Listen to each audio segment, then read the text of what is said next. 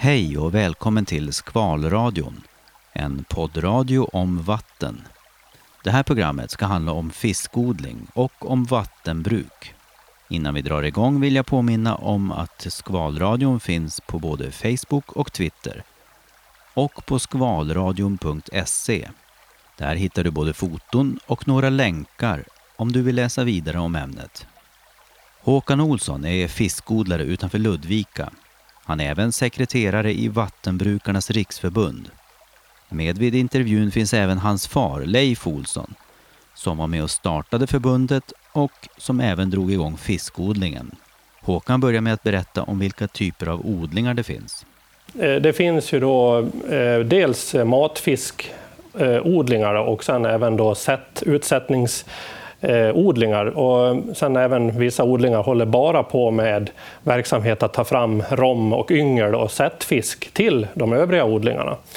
Eh, och eh, det finns även företag som har så kallade fiskekortsvatten där de då tar fram fisk bara för att sätta i i de här fiskekortsvattnen för att folk ska kunna lösa en licens och, och fiska. Vi håller bara på med utsättningsfisk. Då. Eh, så att vi, vi tar fram öring och regnbåge. Då. Eh, våra förutsättningar är bra för just öring och regnbåge, men eh, vi kan inte odla en fiskart som till exempel röding, för den kräver ett kallare vatten. Det får inte bli för varmt på sommaren i odlingen, för då går det inget bra för röding. Då. Men allting jobbar ju då med långa tidscykler. Det, det, är ju inte någonting som är färdigt på en vecka, utan man, man tar sin rom på vår eller höst beroende på art och sen eh, så dröjer det ju ända upp till tre, fyra år innan man har en färdig fisk att sätta ut i fiskevattnet då, om man ska ha den fångstfärdig. Vi kanske kan ta det på en gång, hur hela livscykeln ser ut, alltså dels ur fiskens sida och hur, vad ni gör med den under tiden. Eh, vi har ju då öring, då, avelsfisk på öringsidan och de behöver ju vara fyra och ett halvt år innan man kan ta rom av dem första gången. Eh, och, eh, det, det, gör man på hösten på öringen och sen ligger rommen stilla i utveckling då över hela vintern och eh, kläcks någon gång i, i mars månad. Då. Eh, sen eh, dröjer det ju då till nästa höst då, då har den blivit eh, cirka 15-20 gram i storlek, öringen, då, efter första sommaren. Eh, fisken eh, det växer ju i stort sett ingenting på vintern för att eh, den har ju ingen stor ämnesomsättning då beroende på att vattnet blir oftast kallt och är det en grad i vattnet så är det ju en grad in till fisken också. Då. Och det gör att man matar i stort sett ingenting på vintern, därav ingen tillväxt. Då. Så att, därför så blir det ju svårt att få fram fisken bara på ett år, utan därför behövs det två somrar till innan den då har blivit, som för vår del öring, då, 7-8 hektar då, efter tre, tre somrar. Regnbågen däremot, den är mer en ätmaskin så att den, den eh, går att eh, få fram på kortare tid. Då, så den är färdig efter ett och ett halvt, två år istället. Då. På så vis så är ju regnbågen också en, en fisk som kanske är lättare att få på sitt spö. Då, så att man, eh, därför har den blivit en väldigt populär sportfisk. Att det, öringen kan vara lite svårare att lura. Men det här från, från rom då till yngel, sker det också ute i, i, i dammarna eller var sker det här? Man eh, lägger in befruktad rom då i så kallade backar som vattnet ska rinna igenom. Då. Och efter att de har kläckts sen på våren då Eh, dröjer det några veckor tills de har ätit upp sin gulsäck som de fick med sig från ägget. Och eh, när det är uppätet, då måste de få mat direkt och då brukar man sätta ut dem i bassänger som är 2 gånger 2 3 gånger 3 meter i storlek. Då. Och där får de gå då i ett år. Eh, efter det året då sätter man ut dem antingen i större betongdammar eller grävda jorddammar eller i kassar. Då i en sjö. Kassarna nu då är ju det som är väldigt populärt när det gäller eh, regnbågen, att man vill få ut dem så snabbt som möjligt i en kasse då, för de växer snabbare då helt enkelt. Öringen, ja det har vi både i kassar, jorddammar och i betongdammar. Och det, öringen växer faktiskt snabbast i kasse för oss också. Då.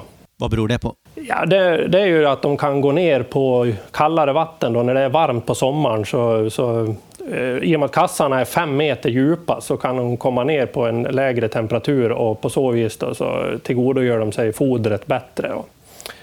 Det, de är väldigt kinkiga, öringarna, när det blir för varmt. Alltså. Då vill de inte ha någon mat eller så, och då, då tappar man ju tillväxt eh, under kanske långa perioder när det är riktigt varma somrar.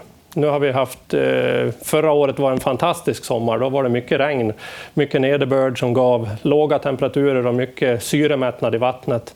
Medan eh, det här året har varit det värsta år som vi någonsin har upplevt med vattenbrist, alltså i den här delen av Sverige. Hur har det påverkat er? Ja, sämre tillväxt då framför allt. Att när syremättnaden då inte blir så bra i vattnet så kan man inte ge dem lika mycket foder heller. Då, för att de vill inte ha helt enkelt när det, när det känns jobbigt. Hur påverkar det här det fiskliv som finns runt omkring?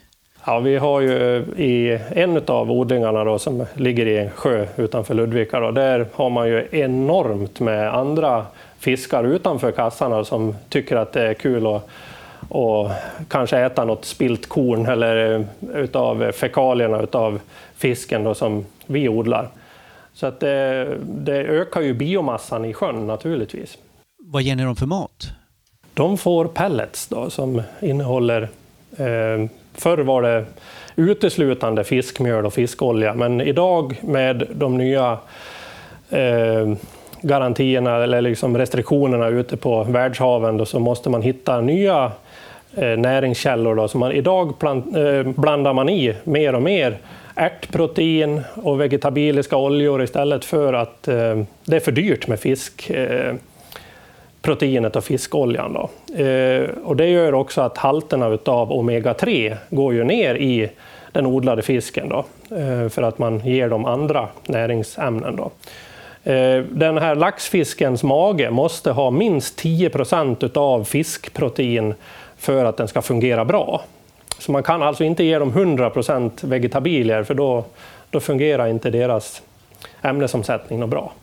Det här har väl varit en, en form av kritik mot fiskodling, va? Att, att man tidigare bara har använt enbart fiskmjöl, eller? Ja, det kan man väl lugnt säga att det har varit mycket tv-program och skriverier om att eh, fiskodlingarna kommer att eh, sanera haven på fisk.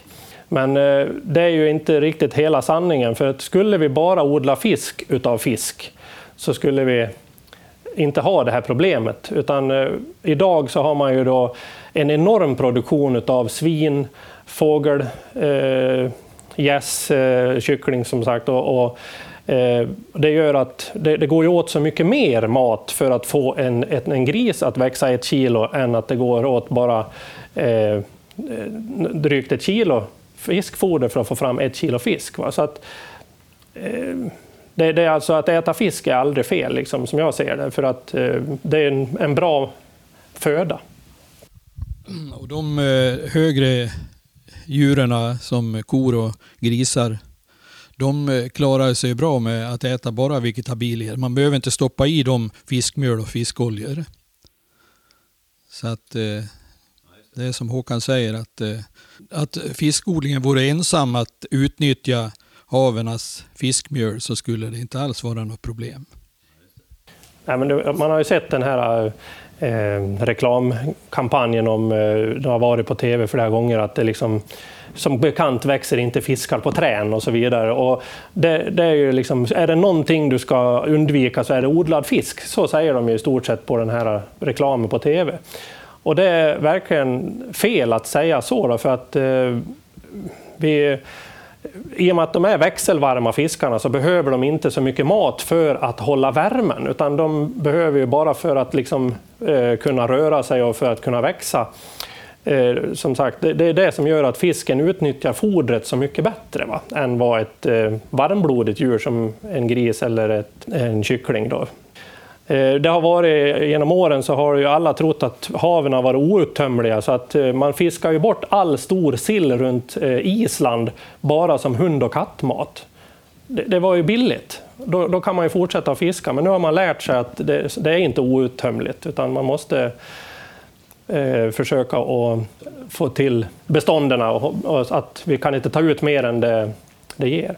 Men det finns nu försök som görs i, i, i världen om att eh, man har ju kommit fram till att det är inte fisken som, som tar fram den här oljan i fiskarna, utan det är en alg som finns i världshaven, då, som då små kräftdjur äter och som i sin tur hamnar i fisken. Då. Och, därför, och då anrikas den här omega-3-berikade oljan i fisken. Då. Nu har man alltså börjat på och i rapsoljeväxter ympat in den genen som den här algen har. Så att idag kan man få fram rapsoljeväxter som producerar omega-3-olja. Men under den perioden ni har hållit på, då, då har ni alltså gått från rent fiskmjöl till mer vegetabiliskt foder. Hur har, hur har det påverkat eh, er odling, tillväxt och eh, ekonomi? Ja, det är fortfarande så pass mycket fiskmjöl i fodret så att det har vi liksom inte sett någon effekt på. Då.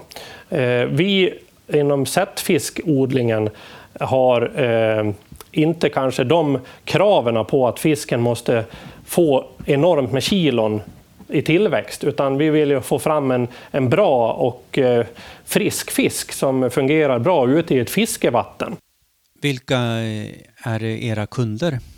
Våra kunder består av eh, fiskevårdsområden, fiskeklubbar eh, och sen är det även då vissa eh, såna här kraftverksutbyggnader som har gjort att de har fått domar på sig att måste ersätta en förstörd fiskådra då, så att de får lov att sätta i öring och sånt i, i älvar och åar och, och sånt. Under vilken period av året är det ni sätter ut fisk? Egentligen året runt, men det är ju på vintern är det ju väldigt lite utsättningar för att då är det ju temperaturer som gör att vi har svårt att hantera fisken när det är minusgrader och eh, kallt. Då. Eh, så att vi sätter kanske ut 3-4 eh, ton på en vinter medan resten av produktionen sätts ut mellan april månad och november. Hur stor är produktionen under ett helt år? Ja, vi har en produktion på cirka 120 000 kilo på ett år. Tillhör ni de större odlarna i landet eller? De stora drakarna är ju matfiskproducenter då, Eh, där det blir många tusentals ton i odlingarna medan vi har ju eh, mindre tonnage, men att vi eh, istället då måste försöka få till lagom många individer för den kundstock som vi har. Då.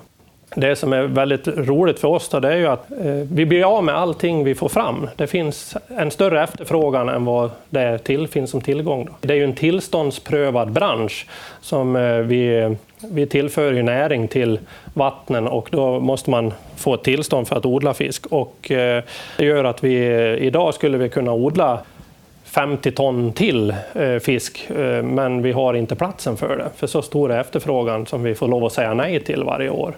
Vattenbrukarnas riksförbund som du var med och startade. Kan du berätta lite om starten? Ja, vi startade någonting som kallas för Sveriges eh, Eh, fiskodlarförening. Och vi var ett antal fiskodlare som började och det var på 60-talet ungefär. Och sen har det gått över i, i det här riksförbundet istället.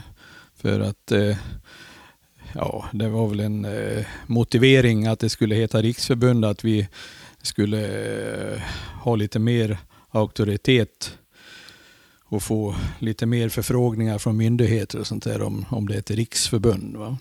Jag sa att det fanns cirka 80 odlingar i Sverige som är aktivt då, men det är ju kanske 40 till 50 medlemmar då, och det är ett väldigt litet förbund om man säger så. En aktör på marknaden då, eh, har ju matfiskodlingar på flera ställen i Sverige och han står ju då för Eh, ungefär hälften av vår produktion i Sverige. Då, en av eh, aktörerna. Och det, det, säger väl lite grann om att eh, det är många, många jättesmå, men att eh, det är inte så många eh, stora så att säga. Vi har ju många sjöar i detta land så att vatten råder det ingen brist på. men eh, vårt land ska bara användas tydligen för fritidsaktiviteter alltså, eh, men för att den här fisken ska räcka till i våra vatten så eh, då kan vi inte bara använda oss av naturliga bestånd för det, det, det räcker inte till. Intresset är så stort från andra länder. Tyskar, holländare kommer hit varje sommar för att vi har så fina vatten här. Men man är tvungen att, att hjälpa till med odlad fisk också. Då. Eh, Finland och Norge och Danmark är ju stora på... Norge är allra störst då, men sen Finland och Danmark är också större än Sverige. Då. Eh, Danmark har eh, valt en annan väg nu att gå. Eh, de har ju inte lika många vatten att tillgå, eh, utan där har man gått in på mycket mer såna här recirkulerande system eh, för att kunna få fram så mycket fisk som möjligt med väldigt liten vattenanvändning. Då. Törs du säga något om kvaliteten, skillnaden i kvaliteten på den danska och svenska fisken då, till exempel? Det, det ja, bör skilja på något vis. Ja, det är ju så att eh, det som sätter smak på fisken uteslutande nästan, det är vattnets kvalitet. Eh, så är det ett dy, dyigt vatten, då smakar det dy av fisken, för de har en väldigt stor vattengenomströmning genom kroppen. Så att redan på bara ett dygn så har man fått en bismak på fisken då, utav vattnet. Eh, maten däremot ger mer färg på köttet och konsistens till köttet. Och därför så, vi har ju fint vatten i vårt land och det, förutsättningarna är väldigt goda för att ge bra smak på vår fisk. Det finns alltså en stor potential för att öka fiskodlingen, men vad är det som hindrar att det inte växer mer än vad det gör? Vi eh, som nu håller på inom sättfisksidan då för utplantering av fisk, vi ser ju naturligtvis att det, där finns det inte lika stor potential att öka. Eh, däremot på matfisksidan så finns det ju naturligtvis en stor potential att öka. Som det har varit hittills så har det blivit färre och färre fiskodlare, men odlingarnas antal har ju inte minskat. Men det har heller inte blivit många fler heller, utan det, det görs lite försök då utav andra arter. Man börjar på att försöka odla gös, man har till och med gjort försök på abborre. Eh, vi i Sverige ser väl ner väldigt mycket på andra arter att äta fisk, då, såsom gädda och, och sånt där. Det, det, är bara en sportfisk, men den är ju fantastisk som matfisk om man bara tar den i ett bra vatten på just gössidan så är det ju många gånger så kallade naturdammsodlingar där man då sätter i rom på våren, sen får de sköta sig helt själv utan någon tillförsel av foder. Eh, så växer de upp till ungefär någon decimeter över sommaren och sen sätter man ut dem i andra sjöar. Då. Så det, ju, det har ju försiggått under många, många år. Och det som har hänt nu det är att man idag försöker odla fram eh, färdig matfisk i odlingar. Då. Så det är lite nytt i Sverige. Då. Kan man tänka sig andra arter som skulle kunna passa? Det finns ju många andra arter i världen som odlas nere runt Medelhavet och i, i länder med varmare vatten som eh, arter som växer fort. Då. Det tilapia bland annat. Då. Och, eh, det kan ju vara en grej som vi, vi har inte sett det i Sverige än, då, men det kommer att bli säkert i framtiden. Då. Om man försöker att nå nya arter så är nog, ligger den närmast att ta till i så fall. Mm. Vi har ju eh, en väldigt, väldigt bra sjukdomshistorik i Sverige. Vi har inte en massa sjukdomar som andra delar av världen har och det försöker vi att vidmakthålla ett skydd mot så att vi inte importerar sjuka fiskar eller tar in rom från andra eh, ställen. Då. Eh, och det, det kan vi vara rätt så stolta över. Eh, de här sjukdomarna som har varit på laxartade fiskar, då, som lax och havsöring ifrån eh, Östersjön och sånt, det har ju många gånger varit en bristsjukdom därför att de har inte fått den mat de har behövt ifrån eh, Östersjön då, i form av strömming eller sill eller vad det nu är för någonting. Hur gör ni om, om ni upptäcker sjukdom? Alltså, kan man gå in och behandla en fisk eller handlar det om ett, en hel kasse eller hela odlingen? Eller?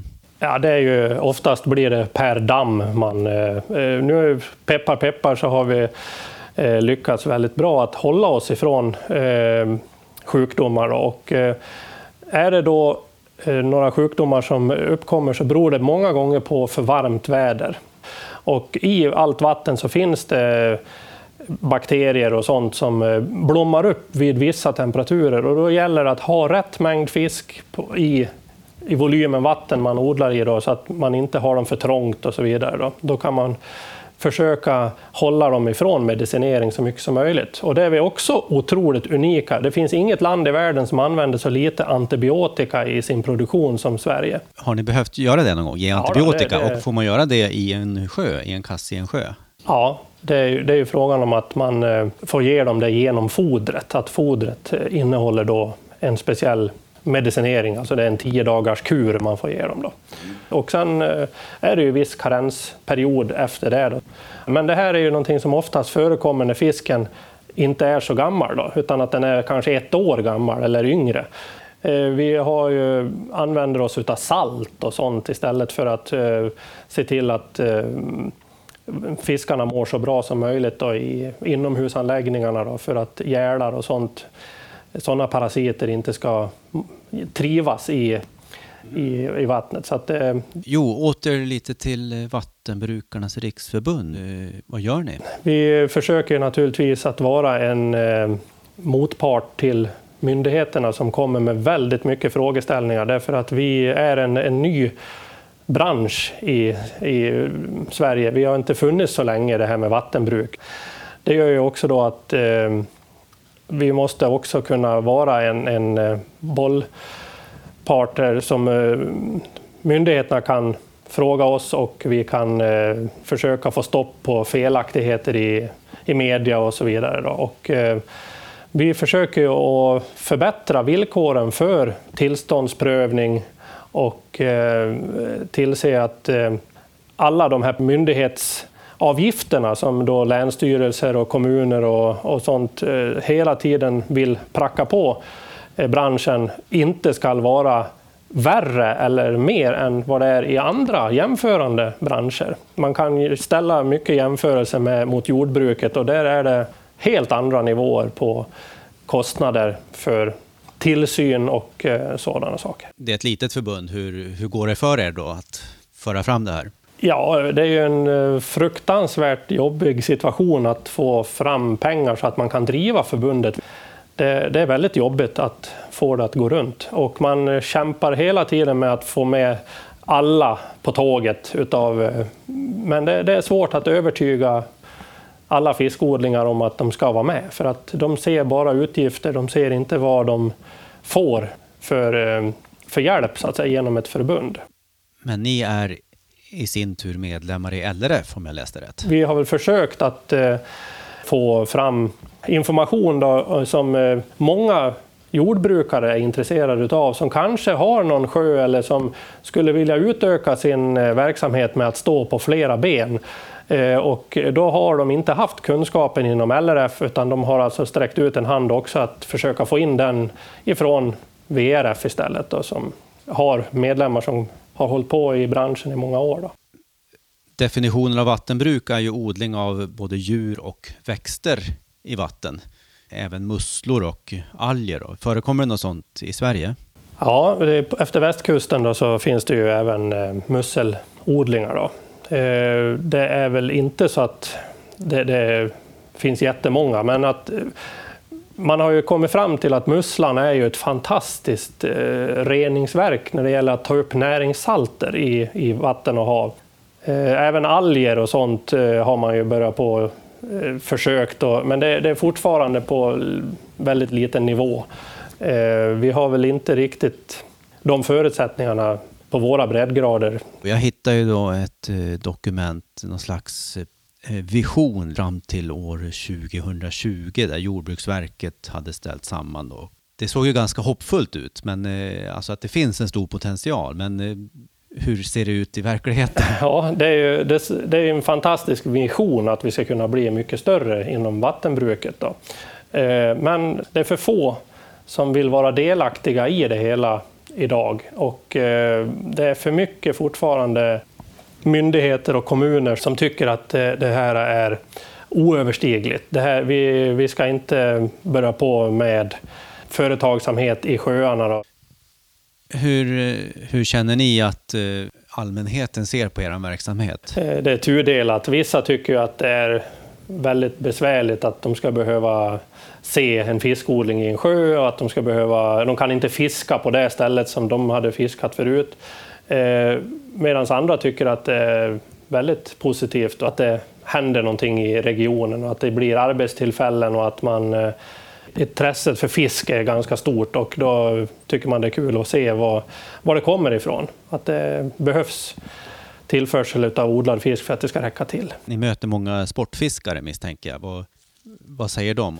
Det är ju lite olika där också. Vissa tycker ju bara att det är roligt att få en fisk. Andra tycker att det ska vara en så perfekt fisk som möjligt. Det ska inte vara några som helst fel på fenorna på fisken utan Speciellt flugfiskare då, de eh, returnerar ju väldigt ofta en fisk efter att man har tagit bilden och vägt den kanske. Och eh, det, det, gör ju då att de vill inte att det ska se ut som den har väldigt slitna fenor. Och där kan jag väl sticka hål på en ballong direkt. Att det här med slitage på fenor, det har ju inte liksom bara med på till exempel regnbågen så beror ju slitaget på att de gärna då går ytligt i dammar och i kassar och väntar på sin mat.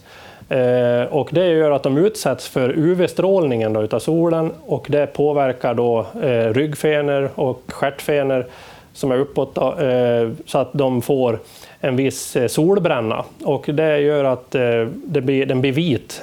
På, och det gör också att det blir som en huggpunkt för de andra fiskarna att hugga på. Så det är alltså inte slitaget utav kassen eller jorddammen eller betongdammen utan det är alltså solens påverkan som gör det. ser man då att en öring då som går i en likadan kasse eller damm den går mycket djupare. Den, den går aldrig ytligt utan den eh, är på ett, ett och ett halvt meters djup hela tiden och utsätts inte för solen på samma vis. Och där har du inte den påverkan på fenorna så att eh, det, det, är väldigt artrelaterat just det här med slitaget. Eh, sen är det naturligtvis hur tätt med fisk man har i odlingsdammen som avgör också då hur kvaliteten blir på fenor och sånt. Har ni regler för det där? Hur mycket, hur tätt det får vara? Ja, det kan man säga att det, det finns ju liksom begränsningar hur mycket man får ha och, och, och så vidare för att det inte ska uppstå sjukdomar eller att de ska må dåligt. Det har ju förekommit att eh, djurrättsaktivister har släppt ut fisk. Är det någonting som ni går och är oroliga över? Eller? Ja, det är man konstant orolig för. för att det, det, varje år så händer det ju flera händelser med att det är just djurrättsaktivister som man tror och vet eh, har förstört odlingar, skurit upp kassar. Är det så pass vanligt alltså? Det blir någon drabbad varje år och eh, vi har under de 45 år som vi har hållit på då, blivit drabbade en 15 gånger ungefär utav uppskurna kassar, eh, igenslagna dammluckor och så vidare. Men vi tror ju inte att det är djurrättsaktivister alla de gångerna som vi har blivit utsatta, utan det är mera ett pojksträck eller att de vill ha lite mer fisk i sjön att fiska på. Då. Men det är lika olyckligt varje gång då, för att eh, Skär de upp en kasse så är det ju fisk för flera hundratusen som simmar ut. Och då när man har fått tag på förövarna, många gånger så kan det ha varit ungdomar, och då säger föräldrarna att ja, men har du inte pallat äpplen själv någon gång när du var liten? Men jag tycker så dyra äpplen har jag aldrig köpt någon gång. Liksom. Bara för, under förra året så hände ju flera uppskärningar av odlingar i, runt om i Sverige. Då, som, eh, det fanns ett, vid ett tillfälle så vart eh, samma ägares flera odlingar utsatta för sabotage. Både landbaserad odling och eh, kassodling ute i, efter kusten. Samma natt, ja. Och, eh, det, det, är ju faktiskt så att vi har sett nu då, VRF har kontaktat eh, andra organisationer som typ minkfarmare och sånt och ser då att Sverige är otroligt eh, bra för de här aktivisterna att eh, vara i. Eh, vi har en miljö här, vi har ingen polis som tycker att det är viktigt att följa upp sådana här saker. De tycker att det är andra saker som är viktigare. Medan i Danmark och i andra länder så har man då gått stenhårt mot sådana här Eh, aktiviteter och där tycker de nu att det är för jobbigt att, att verka. Så därför så flyttar de här organisationerna som för, vill förstöra och påverka genom att släppa ut levande djur, då, eh, då kommer de gärna till det dukade bordet som finns i Sverige. Då. Men för, det blir en massa kostnader för för oss eh, aktörer att eh, man måste ha larmsystem, man går i en ständig oro att det ska hända någonting med de pengarna som man har investerat i mat och fisk i, och utrustning. Det är massvis med folk man ska eh, som man har som eh, arbetstagare inom företaget. Man är orolig för ska de kunna ha jobbet kvar om det skulle hända en sådan sak? Men återigen då, den här skrivelsen av Jordbruksverket, tyder det på att det liksom kommer att hända något fram till då, som det stod där 2020?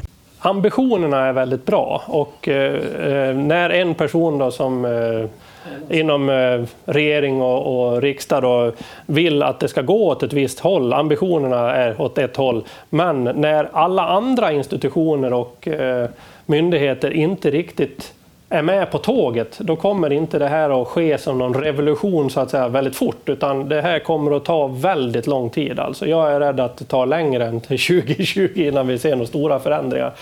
Eh, men det är ett första steg. Man måste ju eh, i alla fall våga. Men det, allting kostar som sagt pengar och var ska pengarna komma ifrån? Ja, det är ju mycket EU pengar som man då... Vi krigar ju naturligtvis om samma budget från EU som våra eh, båtar ute i Östersjön och västkusten, alltså sådana fiskenäringar också. Då. Och, eh, det är för små anslag för att det ska liksom räcka till alla. Då tackar jag så mycket. Tack. Det var det femte programmet från Skvalradion. Skvalradion finns på både Facebook och Twitter och på skvalradion.se. Tack för att du lyssnade.